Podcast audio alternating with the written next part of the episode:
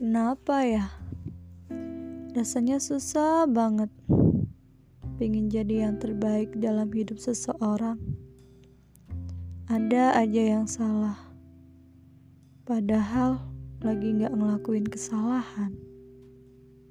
Niatnya baik, tapi selalu dibalas dengan air mata.